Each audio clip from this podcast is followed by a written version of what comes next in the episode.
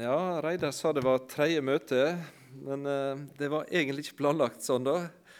Det var en uh, glipp i kalenderen min som gjorde at det sto tale, og jeg trodde det var på én plass, og det var to. så uh, jeg måtte begynne først i byen, og tidligere så var jeg på Lye. Men det som er at det, det, var samme talen, så nå er det tredje gang. så jeg, jeg forandra litt grann, på Eh, flere ganger her, så da får jeg håpe det at det hjelper den siste gangen. Eh, Reidar han ba meg minne om at eh, det blir ordet fritt nå litt etterpå, sånn at du kan tenke på noe hvis du har noe du har lyst til å dele, da, med tanke på noe du har fått oppleve eller noe. Nå har vi en powerpoint som jeg tenkte å vise. og jeg eh, sprang fra fjernkontrollen min eh, på kontoret, så den eh, ligger igjen. Men så jeg får hjelp med Erik til å trykke litt, så jeg får se får prøve å koordinere som aller best. Og Dette kapitlet det her, tror jeg egentlig ikke er talt for, før over først i dag. da. Og Jeg tenkte litt på temaet, og egentlig så er det nokså spennende. og tenke på at det er slik eh, det virker. Når engler og mennesker går hånd i hånd, eh, og at det er på den måten eh, det også virker i, det som gjelder når det gjelder det som har med Guds rike å gjøre. Hvis vi får første bilde, så skal dere få se en bibeltekst. og Der er det en som heter Kornelius, som er kalt for en søkende person. Eh, og Der står noen ord om han, de to første versene der i apostelgjerningene kapittel 10. Der står det at i Cesarea der var det en mann som het Kornelius. Han var høvedsmann ved den hæravdelingen som ble kalt den italiske. Han var en from mann og frykta Gud med hele sitt hus. Han ga mange almisser til folket og ba alltid til Gud. Dette er altså en eh, beskrivelse av en mann som eh, oss aldri har sett. Eh, og oss får bare noen litt fortelling om hvem han var. Og Han heter Kornelius, det vet oss. og I tillegg så var han altså en offiser i den romerske hæren. Den romerske hær på den tida var liksom supermakta, de som hadde alt å si. Og De hadde en militær hær som styrte over store deler av verden helt opp til England, faktisk, og Nord-Afrika og Midtøsten og Europa og alt dette. Og enda så ser vi store spor av deres virksomhet. Og Han bodde altså i en by i Israel som heter Cesarea, som er kalt opp etter Cæsar, keiseren i Romerriket. Eh, og Det var en spesiell by. Den, eh, det er en tegning som er blitt laga her. Og han, eh, Denne byen ble bygd av Herodes den store han som var eh, første da Jesus ble født. Og Det var en praktby på alle vis. Og Du kan reise til Israel i dag, og så kan du besøke den. Og Mye av byen er fremdeles eh, bevart.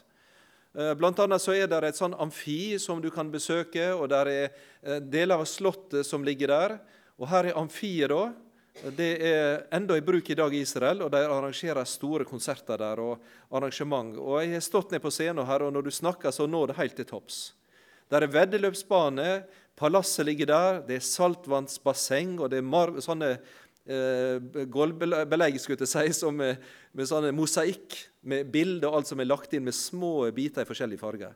Et fantastisk eh, luksusby. Som var noe av det fineste de hadde i Romerriket på den tida. Bygd etter moderne. Det var gull, det var eh, komfort, det var badstue, det var alle mulige ting, og veldig rikt. Og kultur var der og alle ting som du kan tenke deg. Og midt inne i denne byen, som var full av det romerske kultur og det romerske riket, med sine tempel og alle ting som de hadde, eh, og det er den romerske religion som hadde mange guder og mange tempel, og med en, en, en, kultur og en religion som var opptatt av å være sterke og selvstendige og aldri tape, og, og, og ære og liksom store, stolte ting, så får oss et bilde til der møter oss noe helt annet.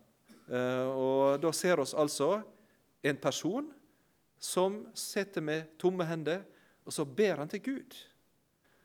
Eh, og Det som er overraskende med den personen, at det, det er på en måte ikke en prest i tempelet eller en som er er sann, som har store problemer i livet sitt og liksom mangler alle ting. Men det er en, en sterke, eh, velutdanna, rike romersk offiser som har ei toppstilling, som er høvedsmann over dette, og har stor makt, mye rikdom, sikkert et flott hus. Og så står det om denne mannen at han eh, ba til Gud. Eh, det er noe spesielt. Og Det sto også om han i det vi leste, at han ga almisse til folk. Han hjelpte folk som trengte det. Det er litt pussig at en romersk eh, soldat og en offiser akkurat gjør dette, men han fantes. Han fantes. I en kultur fullt av, av, av ideal med det sterke og selvstendige, med krig, og der eh, en offiser var et forbilde, så er det altså en som vender seg til Gud, og som alltid ba til Gud, står der og som frykta Gud faktisk, og hele hans hus. Eh, det var det ingen som hadde trodd, tror jeg, at det fantes. Det var det ingen som kjente den romerske riket, som hadde trodd. Denne mannen, som på en måte var så sterke og selvstendige og, og rike og på alle vis hadde det han trengte, han opplevde noe veldig spesielt. Og Det får oss uh, høre om videre. Men først skal jeg si litt om det som har med bønn å gjøre. Eh, der er noen, et par plasser i Gamle testamentet som, som jeg syns er kjempefine når det gjelder det å be. For av og til så tenker oss at ja, hører noen som ber, at oi, det var fine ord, hør oss. Den var flink til å formulere seg. Og det, den, den, fikk sagt det sagt til Gud. da. Men nå skal du få se to plasser på to som hadde problemer sagt det. Den første er en liten guttunge. Og Dette er, fra, det er veldig gammelt tilbake. Det er helt tilbake til Abraham. Eh, og den, eh, Her er det en situasjon der du møter ei som heter Hagar fra Egypt. og Hun fikk en gutt med Abraham som heter Ismael. Og Så ble det konflikt i heimen der med Sara. Og så ble hun eh, ut, liksom på flukta og rømte pga. problem. Og så fikk hun problem. Og så har gutten det vondt og vanskelig, og så opplever Hagar noe veldig spesielt. Det står Men Gud hørte gutten gråte. Og Guds engel ropte til Hagar fra himmelen og sa til henne, Hva er det med deg, Hagar? Frykt ikke, for Gud har hørt guttens gråt der han ligger. Dere har kanskje hørt det, at hvis du teller i Bibelen, så står det 'frykt ikke' eller 'vær ikke redd' 365 ganger i hele Bibelen. Og Da har noen sagt det at ja, men det er nå like mange ganger som det er dager i et år. Og det stemmer. Og her er en av de gangene og han, Den som får høre det her, det er Haggar som må flykte ifra, ifra heimen. da. Og hvorfor får du høre? Jo, for Gud har sett til, eh, og, og Gud har hørt guttens gråt, ser du. Han veit problemet og kjenner til, og så venner han seg til å hjelpe i ørkenen. Et problem til. Det er ei dame som heter Hanna. Og Hanna hun hadde et problem at hun ikke fikk barn. Og så var det andre damer som fikk barn, og så begynte de å mobbe Hanna og si stygge ting om henne, slik at hun ble kjempefortvila og engstelig og lei seg. Og Da står det det at Hanna til slutt så gikk hun opp til tempelet til Gud. Og Da sto Hanna opp, og i sin hjertesorg ba hun til Herren og gråt sårt. Hun hadde veldig vondt inni seg og ba til Gud. Og så står hun der, og så står det det i første Samuels bok. Slik ba hun lenge for Herrens åsyn, og Eli, altså presten i tempelet, la merke til munnen hennes. For det var i sitt hjerte Hanna ba. Hun, hun rørte bare leppene, men stemmen hørtes ikke. Altså uten ord. Uten at hun sa noen fine greier som Eli presten hørte og tenkte å, hun var flink å be. Nei, men i hjertet hennes så ba hun lenge og bare øste ut og gråt for det hun hadde. Hun hadde ikke barn. Nå vet vi det i Bibelen at eh, Gud hørte den bønna til Hanna, selv om hun ikke ba veldig høyt og fint. Og så fikk hun gutten Samuel, som betydde veldig mye for, for dette folket. Så her er eksempel på bønn som gjør at hvis du tenker at det å be, akkurat som Kornelius han ba til Gud, at det handler om å si mye fint og bruker fine ord, så, så er dette helt annerledes. Så tenker jeg det når det gjelder dette, hvis du tar neste bilde det som er litt med Kornelius, er at det, her er det en romersk offiser fra en veldig fin by. Og jeg tror det at i det området så var det nesten ingen som hadde tenkt på at det kunne finnes. Og Nå skal vi høre etterpå om Peter. Og jeg tror egentlig at Peter, hvis han hadde blitt spurt, så hadde han sagt nei. Jeg tror ikke det fins noe, noen der i den plassen som, er, som kan, kan, være noe som jeg kan gå til. Dette bildet er kalt for det usynlige folket. Og det jeg tror, og det tror jeg vi opplever av og til å se, at det er folk omkring oss som faktisk i hjertet sitt søker og lengter etter å finne hjelp og fred, som oss aldri hadde tenkt skulle kunne gjøre det. Aldri hadde kommet på at akkurat den skulle ha det slik. For det var det med Kornelius, tror jeg, at ingen hadde tenkt på at han var en som hadde liksom noe som han lengtet etter. Jeg kaller det for det usynlige folket. fordi at det, På utsida er ikke det så synlig. Det handler om dette med, med på innsida av bønnen. Altså, Det kan være den mest vellykka, den personen som står fram der og du synes det er virkelig en som har styrke og klarer det meste, eller som har alt han trenger på alle vis. Og så kan det skje at en slik person på innsida egentlig kjenner på en veldig smerte og en stor mangel en stor nød, og som er en av de som roper til Gud for seg sjøl. Det usynlige folket. Det er én ting til i dette som oss leser her nå, hvis du har et bilde til, som jeg kaller eh, for den usynlige verden. Og det, Jeg fant et bilde her på Internett. Det er et flott naturbilde. Og så er det en sånn flott sånn solstråle som skiner gjennom skyene. ikke sant? Akkurat så plutselig åpner det seg noe, og så kommer lyset ned. Jeg tror dere har sett det på Jæren mange ganger. Inn i dette og, og skaper dette her veldig liksom grå, litt mørke, og så åpner det seg noe. Hvis du går til Bibelen, så vil du se at det er en verden som ikke er så lett å se.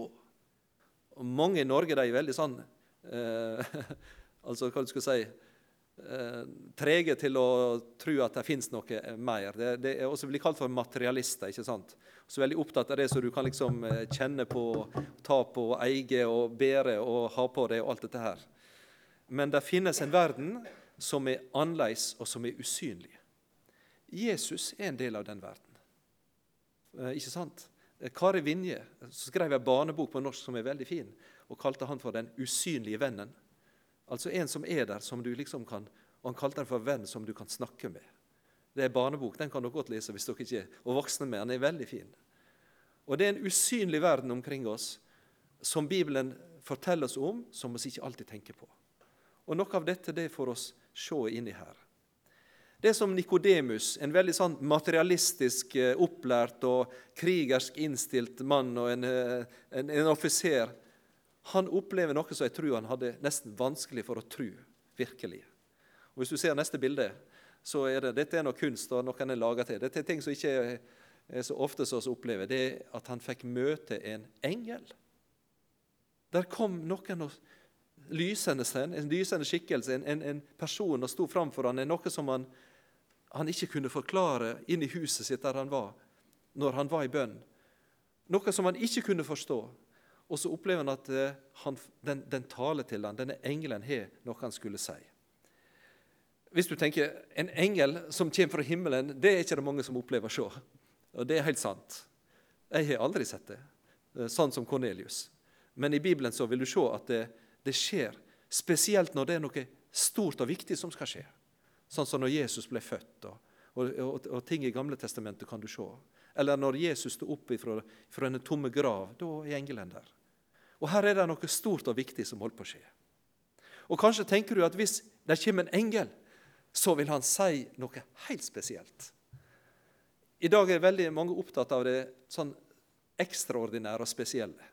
Og tenk at Hvis det er Gud som åpenbarer seg, eller hvis Gud skal si noe til oss, eller Gud skal møte oss, så må det være superspesielt og superspennende, noe som er helt uforklarlig. Og Det er det for så vidt med denne engelen. Men det som engelen sier til Kornelius, det er faktisk litt spesielt. Og Hvis dere ser på neste slide, så skal jeg lese hva han fikk høre. Han fikk høre noe uventa. Der står det i vers 3 i apostelgjerningene 10. En dag det var omkring den niende timen, det var altså klokka tre på ettermiddagen, så han tydelig i et syn en Guds engel som kom inn til ham og sa, 'Kornelius.' Og Kornelius stirret forferdet på ham. Altså Han ble litt engstelig, den tøffe offiseren, romerske. Det er ikke ofte det skjer, men her skjer det. 'Hva er det, Herre?' Engelen svarte ham, dine bønner og almisser, altså gaver, er steget opp for Guds åsyn, så han er blitt minnet om dem. Oi, Gud har sett han og hørt det han, han er bedt om, denne romerske offiseren. Enda han, han, han kanskje ikke helt forsto alt.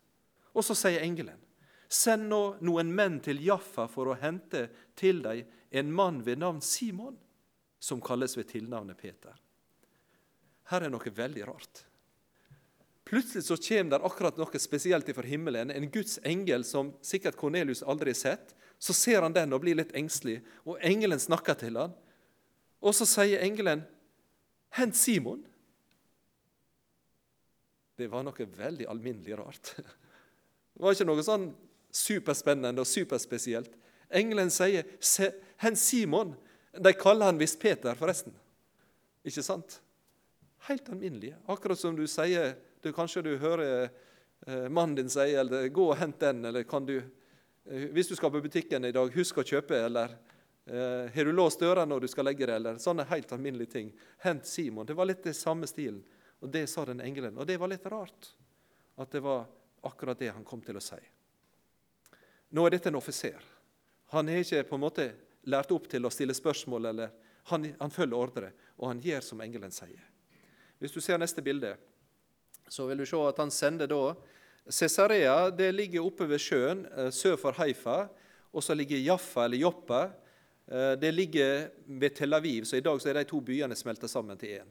Veldig fin plass. Tel Aviv i nord, ei lang strand som er lengre enn Brusand, tror jeg nesten. Og så ligger Jaffa på sørsida og ut på et, et nes med en liten, ei flott, gammel havn. Og så sier engelen.: Send nå noen menn til Jaffa for å hente til deg en mann ved navn Simon, som kalles ved tilnavnet Peter. Helt alminnelig. Og så får han greie på hvor han bor. Han er gjest, altså på besøk, hos garveren Simon. Og garver det var ikke et statusyrke på den tida. Hvis dere har vært borti det som garver sin Jeg kjenner ei som jobber på, på en, en, møbelfabrikk på Ekornes. Og hun var på kurs i Danmark, på en fabrikk der de lager skinn. Akkurat de som de har på skinnmøblene sine. Og hun sa det stinker i fabrikken. sa hun. For dette med skinn og sånn, altså det er både lukter og det er fuktig, og de tørker det og alt. Det lukta i den. Og, og, så En plass så var det spylte de med vann og spente ut dette. De, de gikk i sånne, og var klissblaute. En plass så tørka de. Der, der gikk de i shorts òg. Var akkurat som Syden. Men det lukta i hele. Og garveren De sier i Midtøsten på den tida at hvis det var en garver eller, eller Paulus som drev med skinn og telt, så kunne du kjenne lukta fra garveriet på lang avstand. Garveren Simon en sånn lavstatus liten mann. Det nevner engelen på. Som har et hus ved havet. Og Hvis du reiser til Jaffa i dag, så er det et lite hus rett ved trappa der du går ned til den lille havna. Så står det et skilt på den. 'Huset til garveren Simon'. står det. Jeg vet ikke om det er samme huset, men det kan godt hende. En plass bodde han i alle fall. Og det huset hans var ikke et slott, ikke et palass, men det var et alminnelig lite Han tjente ikke masse penger. Han bodde i et alminnelig hus. Og det snakka engelen om. Noe så alminnelig. Noe så vanlig. Og Da engelen som talte til han var borte, tilkalte han to av tjenerne sine og en gudfryktig soldat, en av dem han alltid hadde med seg. Og Da han hadde fortalt dem alt, sendte han dem av sted til Jaffa. Offiseren han følger ordre, det som englene har sagt. Og Så går de dit ned og prøver å finne ut hvor er dette henne. Av og til så tenker vi når Gud åpenbarer seg, så må det være ekstraordinært. Mange er opptatt av det. Og Nå har jeg et ord som er henta fra Det gamle testamentet. Det er 'hvor skal jeg leite, hvor skal jeg finne svar?' når jeg prøver å finne ut av ting. Og Da er det et ord fra profeten Jesajas. Han sier det slik i vers 8 her. Bind vitnesbyrdet inn, forseil ordet i mine disipler. Se, jeg og de barna Herren har gitt meg, er til tegn og forbilder i Israel for Herren, herskarenes Gud, som bor på Sionsberg. Altså det er mennesker det er snakk om. Når noen sier til dere, søk til dødningmanerne og spåmennene som hvisker og mumler. Det er så mange i Norge som prøver det. Nyreligiøst, ikke sant? Til og med prinsessa. Og dette sjamanen som dere har hørt om altså nye religioner, og prøve med det mystiske og spennende. Kanskje kan vi finne fram. Men da skal dere svare. Skal ikke et folk søke til sin Gud? Skal en søke til de døde på vegne av de levende? Ja, men hvor skal de finne svar? Til ordet og til vitnesbyrdet. Der vil du finne svaret, sier profeten i den gamle pakt. Nå har jeg med noen bilder. Jeg tror kanskje jeg har vist disse før på Vigrestad, men jeg, får, jeg håper at du glemte det. Det. Det er noen bilder fra Afrika. Se på det. Det er et alter. Og Like før jeg tok det bildet, så lå der ei gammel kone på kne med hendene sine, og så ba hun her og søkte om hjelp og beskyttelse og vern og velsignelse. Hun var fattig, og alt hun hadde å ofre, det var denne tusten med tørt gress. Og så la hun det framfor et gammelt tre som sto der, fordi hun tror at ånden, og ånden, den, den som skal gi vern, han bor i treet. Sånne gamle ting og spesielle ting. Og så ba hun dit og søkte om hjelp. Og Hvis du ser neste bilde dette er Mange plasser kan du finne dette i Øst-Afrika. Dette er tatt inne ved Kenyakysten, en plass som heter Shimoni. Noen store grotter som ligger ved havet der. Der de tok de gamle slavene inn før de ble fraktet til araberkysten og solgt. Der er det noen offerplasser der mennesker går inn og ofrer og legger igjen. Dette her det er ikke saft, men det er spesielle ting som de blander inn, som skal gi velsignelse og amuletter og beskyttelse og vern. Og de kaller det dawa, altså en medisin som de har på. Og så sitter mennesker her på kne og tilbyr og ber og roper om hjelp og, og, og til åndene og til fedrene. Eller neste bilde, hvis du ser på det. Det er ei lang rekke med gamle skaller. Ikke pga. krig, men dette er de gamle sjefene i landsbyen. Dette er tatt i Wundani oppe i Kenya. og Det var en kristen mann som tok meg opp dit. Det var en litt sånn hemmelig plass. Og så ligger de i landsbyen på kne og, og, bøyer seg til de tørre skallene til de gamle mennene som levde, og sier 'Å, min gamle far og å, min gamle onkel, kan du beskytte meg og vise meg vei og velsigne meg og hjelpe meg?' Så roper de inn her. Og så ligger disse her gamle skallene på muren, på ei hylle der. Og så ber de om hjelp. Søker dit. Kanskje de kan finne. Eller neste bilde, hvis dere ser det. Dette her er litt annerledes enn Odland på kirka, men det er en gravplass, faktisk. Det er en datogmann som er begravd her. Han står rett opp, akkurat som jeg står her. Så støtter de den døde mannen opp med pinner, og så kliner de på med jord. Og så legger de pinne over, som du ser, og så springer guttene i begravelsen over. Setter stokken til faren og planter treet tre på toppen. Og så, når treet vokser, så tenker de her bor far. Her er det han far. De steller godt med han. Og Neste bilde er Isaki Morge. Han er med og viser det. Og så ser dere der De gir han mat kjøtt og fett og honning og melk og alle gode ting, slik at far ikke skal bli, bli sint og vred. Og Hvis du ser neste bilde, jeg måtte gå helt inn og kikke, da, og se, så vil dere se at der er tørka kjøtt og sånne ting som de går til far for å, stelle godt med så han ikke skal bli lei seg, den gamle og den døde. Men hit går de for å be. Her ligger guttene og familien på kne foran grava og roper på hjelp og veiledning får de svar. Ja, Hvis du ser neste bilde, skal jeg vise en annen plass. Det er en kunstner som har laget. Jeg syns det bildet er kjempestilig. Det er bilde av ei jente. Og hun bor i, på en måte i ordet, i ei bok. Og Det som Bibelen sier da, det er at du skal gå til ordet, til Guds ord, for å finne svar. Ser du at hun har liksom åpna boka, og så ligger hun med lommelykt og leser og prøver å finne ut av hva er det som står her. Det er det hun prøver å se. Hva er, det, hva er det som står her? Hva vil Gud ha sagt? Og Neste bilde synes jeg er et veldig fint sitat. Det er henta fra en biskop. Det står i denne boka om, eh, om rik bibelbruk, som Sagerusten ga ut fra Bibelselskapet. Det er en biskop fra Egypt i Den koptiske kirke. Han sier det. Du skal aldri lukke igjen Bibelen. La Bibelen alltid ligge åpen, for da vil Bibelen kalle deg til å lese videre. Og Derfor sier noen faktisk Jeg leser en artikkel i Korsets Seier der var en som sa at når du leser Bibelen din, så skal du ikke bruke mobiltelefonen. jeg vet jeg bruker det sjøl og sånn. Men det er for ingen kan vite, eller barna dine eller folk som ser deg, er det nyhetene, eller er det underholdning, eller hva er det du leser? Men hvis du har Bibelen med deg, åpner den boka som sier aha, er det det du ser i? Er det der du leter? Det er veldig viktig. Og neste bilde er et av mine desidert favorittbilde. Det er en kunstner som ser for seg dette møtet med, med Guds ord og bibelordet som er der, og så stiger der en person fram det og favner om det og, og, og det, det, det og møter deg. Det er et utrolig kraftfullt bilde som handler om hvordan en får møte Jesus, og hvordan Gud snakker til deg. Nå er det flere av disse gamle lederne i Tanzania som nylig er døde. og De hadde minnemøte på Sørlandet nå eh, i forrige uke. Jeg var ikke der. Her er en av dem. Det er biskop eh, nei, Joram, eh, og bror hans døde for 14 dager siden. Og Det er et bryllup, og den gamle biskopen han døde mens vi var der. Men når han skulle si noe til disse folka Ser du hva han har med seg? Han har en swahili-bibel, og den ligger åpent. og Så leste han ifra den og talte ut ifra det. Men så dukker der opp et lite problem. Og Det er neste bilde et symbol på. Eh, det er kanskje litt overraskende, men det er et eh, bord smekkfull av mat. Eh, hvorfor er det problematisk?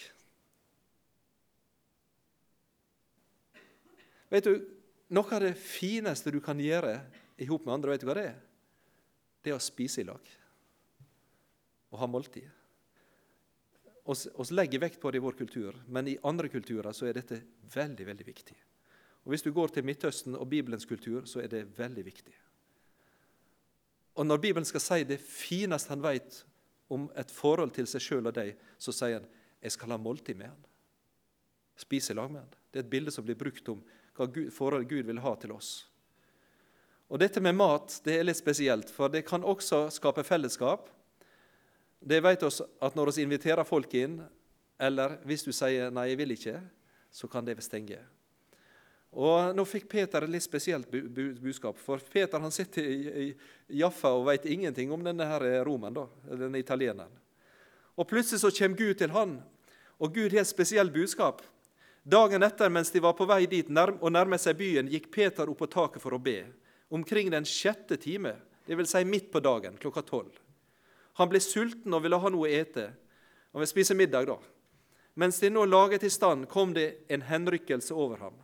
Han ser himmelen åpne, det er noe som kommer dalende ned. Det så ut som en stor linduk som ble senket ned på jorden etter de fire hjørnene. Altså noe veldig pussig og veldig rart. Her kommer det noe ned fra himmelen, noe som han ser som han synes er veldig rart, og så er det en duk. Men oppå den duken, også her, er det veldig vanlige ting. På den duken var det alle slags firfødte dyr og jordens kryp og himmelens fugler. Pussige greier. En røst kom til ham. Stå, Peter, slakt og et. Merkelige beskjeder de får fra himmelen her, altså. At det kommer en duk med noe mat på, så skal de slakte dyra og spise og sånn. Hva er problemet? Jo, problemet er at Peter han er jødisk. Og jødene hadde veldig strenge regler for hvordan de kunne oppføre seg og hva de skulle spise. De hadde strenge regler for ting de ikke kunne spise, og hva de kunne spise. Og Dette har jeg opplevd sjøl. Jeg var en gang i Israel, og det var en ortodoks som kom på besøk, en ortodoks jøde. og så andre skulle ha lunsj og sa 'Kom og spis litt, og drikk litt kaffe og spis med oss'. Og mannen sa 'Nei takk, det går ikke'.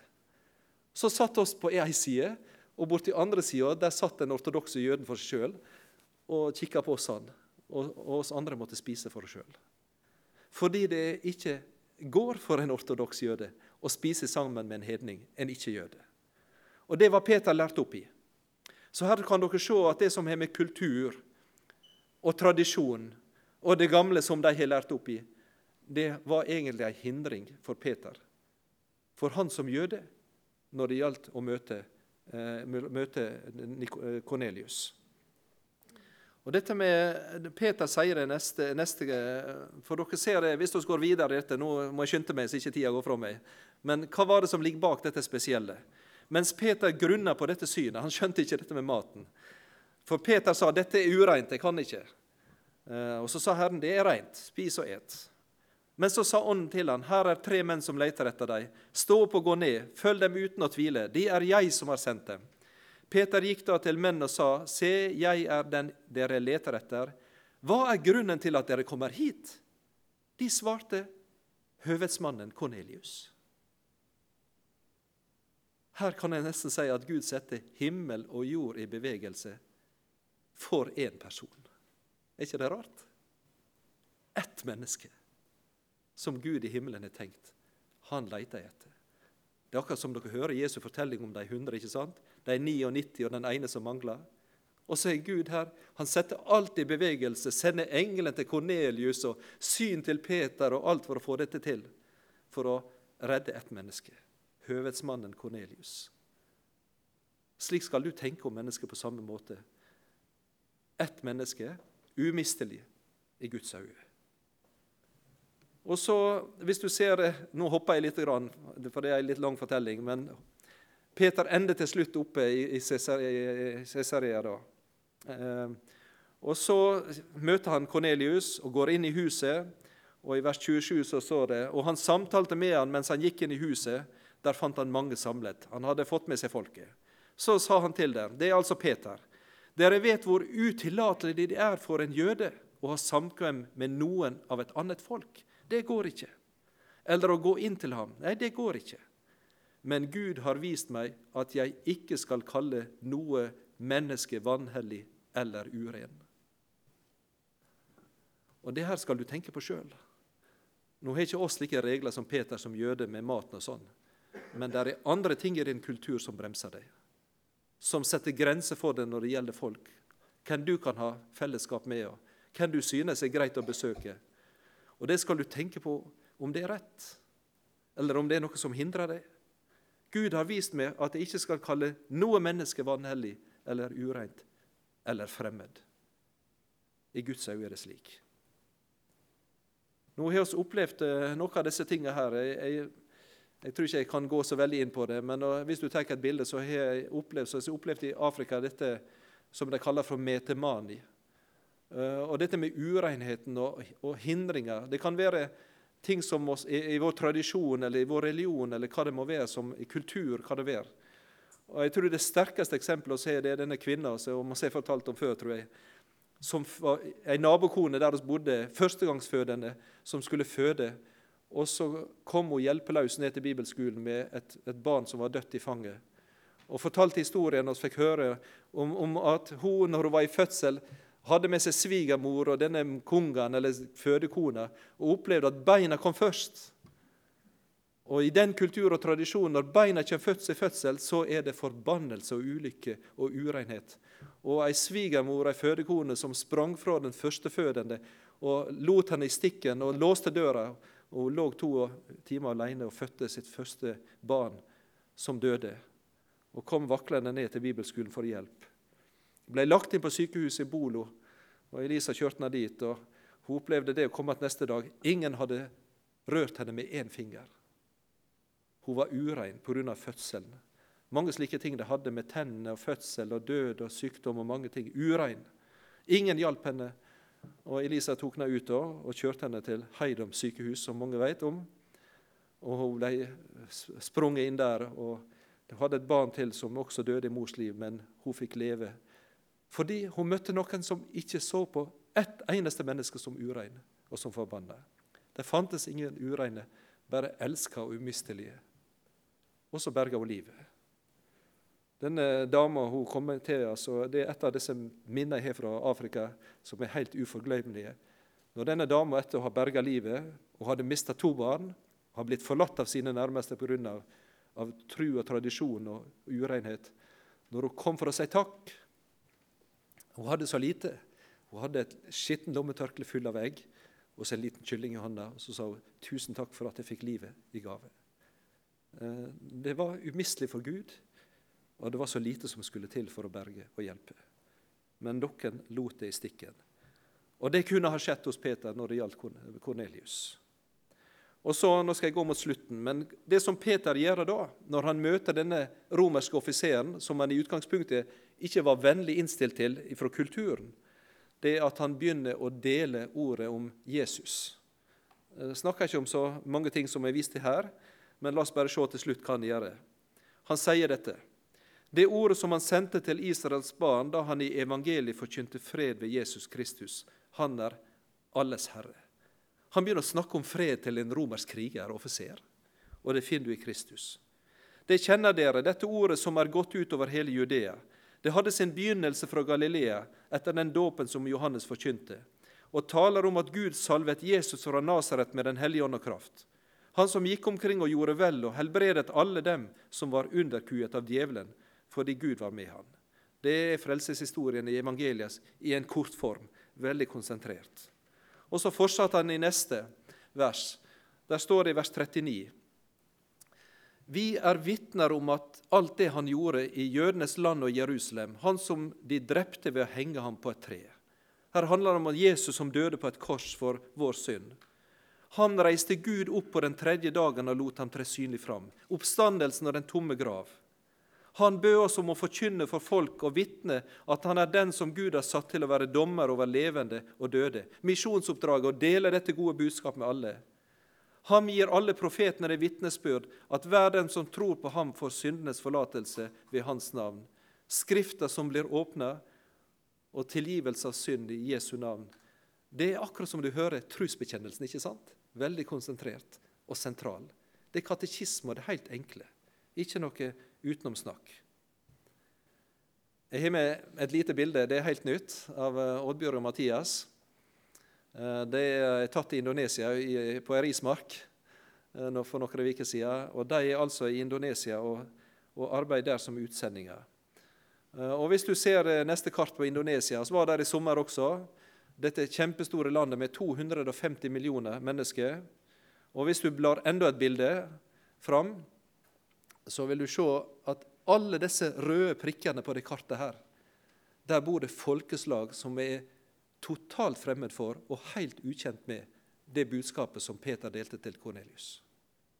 Som ikke veit noe om, og ikke kjenner til dette om Han som ble sendt og kom til jord for å frelse mennesket som døde på et kors for all verdens synd og sto opp og leve, de kjenner det bare ikke og veit ingenting om dette. Det var mange røde prikker, ikke sant? Og det er et stort land. Og der er det, det handler om noe å dele det beste som du har. I det landet opplever de noe som er veldig spesielt. og Nå skal jeg slutte av med linken til det som Bibelen forteller. Hvis du ser neste bilde. Det er at i dette landet, store landet, der er det veldig mange som kanskje ikke ser en engel, men de drømmer ting om natta. Og det de drømmer om, det de drømmer om en hvit mann. Ikke hvit i skinnet som en europeer, sånn som oss, men en mann som er kledd i hvite klær. Og så hender det ganske så ofte at det er snakk om ting, om, om tru og sånne ting, og så kommer det en og spør jeg har drømt noe i natt. Ja, hva var det? Jo, jeg har drømt om en hvit mann. Og hvem er han? Hvem er han? De sier det at hvis en begynner å snakke om det, så tar det bare ofte 10-15 minutter, så havner en opp i en, en kristen kirke der en sitter ned og snakker om dette. For det som dere ser i dette bildet, her, at dette, det er ikke bare en med hvite klær, men det er en som har et spesielt budskap. Det er noe som blir, som en ser, hvis du ser neste bilde, som er veldig spesielt, og, og som noe er nytt for, for, vår tid. Jo, det er som Kristus sjøl, med sine merka hender, etter naglene blir strekt fram og retta fram. Og så er det Jesus. Men de klarer ikke å forstå det sjøl. Det er akkurat som Kornelius. Engelen sa, 'Kornelius, hvis du skal få hjelp, hent Simon, Peter, og finn han.' Og som drømmen med Kristus Det er ikke bare slik at ja, da knipser alt løst. Snakk med en, person og spør hvem er det og møt en kristen som vet det. Gå til boken, gå og få forklare og få forkynt og få del i det. Og hvordan er det neste? Hvis du ser, hva er den tomme trua da i dette? Jo, det er den tomme handa som tar imot og sier 'Jeg trenger deg', akkurat som, som Cornelius gjorde. Og så har jeg et bilde til som jeg syns er det et av de fineste jeg vet om. Det er den kristne trua, på sitt vis. Det er at jeg som et lite, hjelpeløst, svakt menneske som ikke klarer meg sjøl, opplever at det er en som griper omkring handa mi og dekker meg til og verner meg og ber meg og leder meg og holder meg og berger meg, og det er Guds hand. Det er den kristne tru. Det får en oppleve. Og det var det Kornelius opplevde. Et bilde til fra Indonesia. Det er en folkemengde med masse mennesker. Og Nå skal jeg bare si kort noe som Der er en spesiell ting som vi opplevde, hvis du tar en knepp til. Det var også ei jente som drømte der, som de våre har. Oddbjørn og Mathias. Og Det var ei jente som kom på døra eh, rett over jul. Hun bodde i nabolaget, og så banka hun på døra. Og så sa hun det. 'Jeg har drømt', sa hun. 'Hva har du drømt?' 'Jeg har drømt om den hvite mannen'. Og det var så fantastisk trygt og fredfullt. Og så opplevde jeg jeg så han hadde den lille Ester, den minste jenta deres. Han hadde Ester i hendene sine. Hvem er han?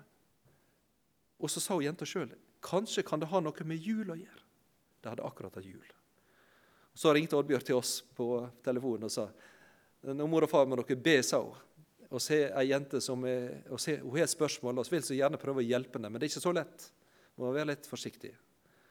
Så kom hun igjen i sommer, for en måned tid siden. Da spurte hun flere ting.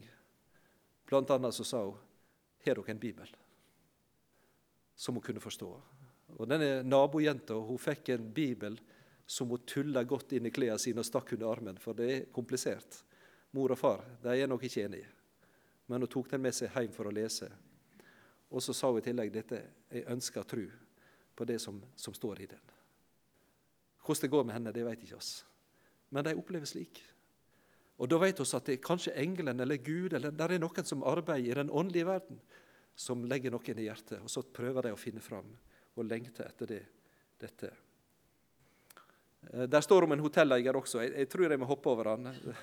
og så var en søndag. Det var en, eh, altså, en kristen mann som bodde der. Han hadde, han hadde hotell, og han hadde eh, laga et av rommene inni hotellene sine som ei lita kirke som var, møttes der, og så var oss der på søndagen. Ingen skilt på utsida, eller noe sånt, men der kom oss inn. Så var det én mann i den landsbyen. Det var ikke flere enn det, faktisk. Av, den, av han som ønsket å være en, en kristen da, som hadde, som hadde de møte der. Men til slutt hva skjedde i heimen til, til Kornelius? Der skjedde noe veldig spesielt. Og Hvis du nå siste ser det som skjedde der Jeg skal lese dette, så skal jeg si amen. Nå tror Jeg jeg så ikke på klokka, så jeg holdt på lenge. Mens Peter ennå talte disse ordene, fall Den hellige ånd på alle de som hørte ordet. Alle de troende som tilhørte det omskårne og som var kommet med Peter, ble forferdet over at Den hellige ånds gave var blitt utgitt også over hedningene, for de hørte dem tale med tunger og lovprise Gud. Hva er det som skjer? Jo, det er pinsedag. Ofte så høres det at pinsedag det var i Jerusalem og over apostlene, og det var det. Men det var ikke kun én pinsedag. Det var en pinsedag til, og det skjedde i Samaria, der det samme skjedde. Og det var en pinsedag til, og det skjedde i Cesarea i Kornelis sitt hus, i en hedningsheim. Det er en hellige Så kom over jødene, over samaritanerne og over hedningene og folkeslagene. De talte i tunger. eller Det står også om en oversettelse. Det er ikke tungetale, men det er 'different languages', står det, altså forskjellige språk som blir talt her. Og så skjer det siste, og det var veldig spesielt at jeg fikk oppleve. Det hadde nok ingen regna med. Det var dette. Kan vel noen nekte dem vannet så de ikke skulle bli døpt, disse som har fått Den hellige ånd, liksom vi, altså hedningene? Så bød han at de skulle bli døpt i Jesu Kristi navn, og de ba han bli hos dem noen dager. Det var det som skjedde med denne italienske, romerske offiseren. Han ble lagt til den nye familie. Og hvis du spør hvordan ble evangeliet ordet om Jesus spredt i den første kristne kirke, så var det ved handelsreisende, det var ved romerske soldater, og det var ved slaver. De bar dette med seg videre. Og denne mannen han har nok sikkert reist hjem og var en av de som tok med seg dette til Italia.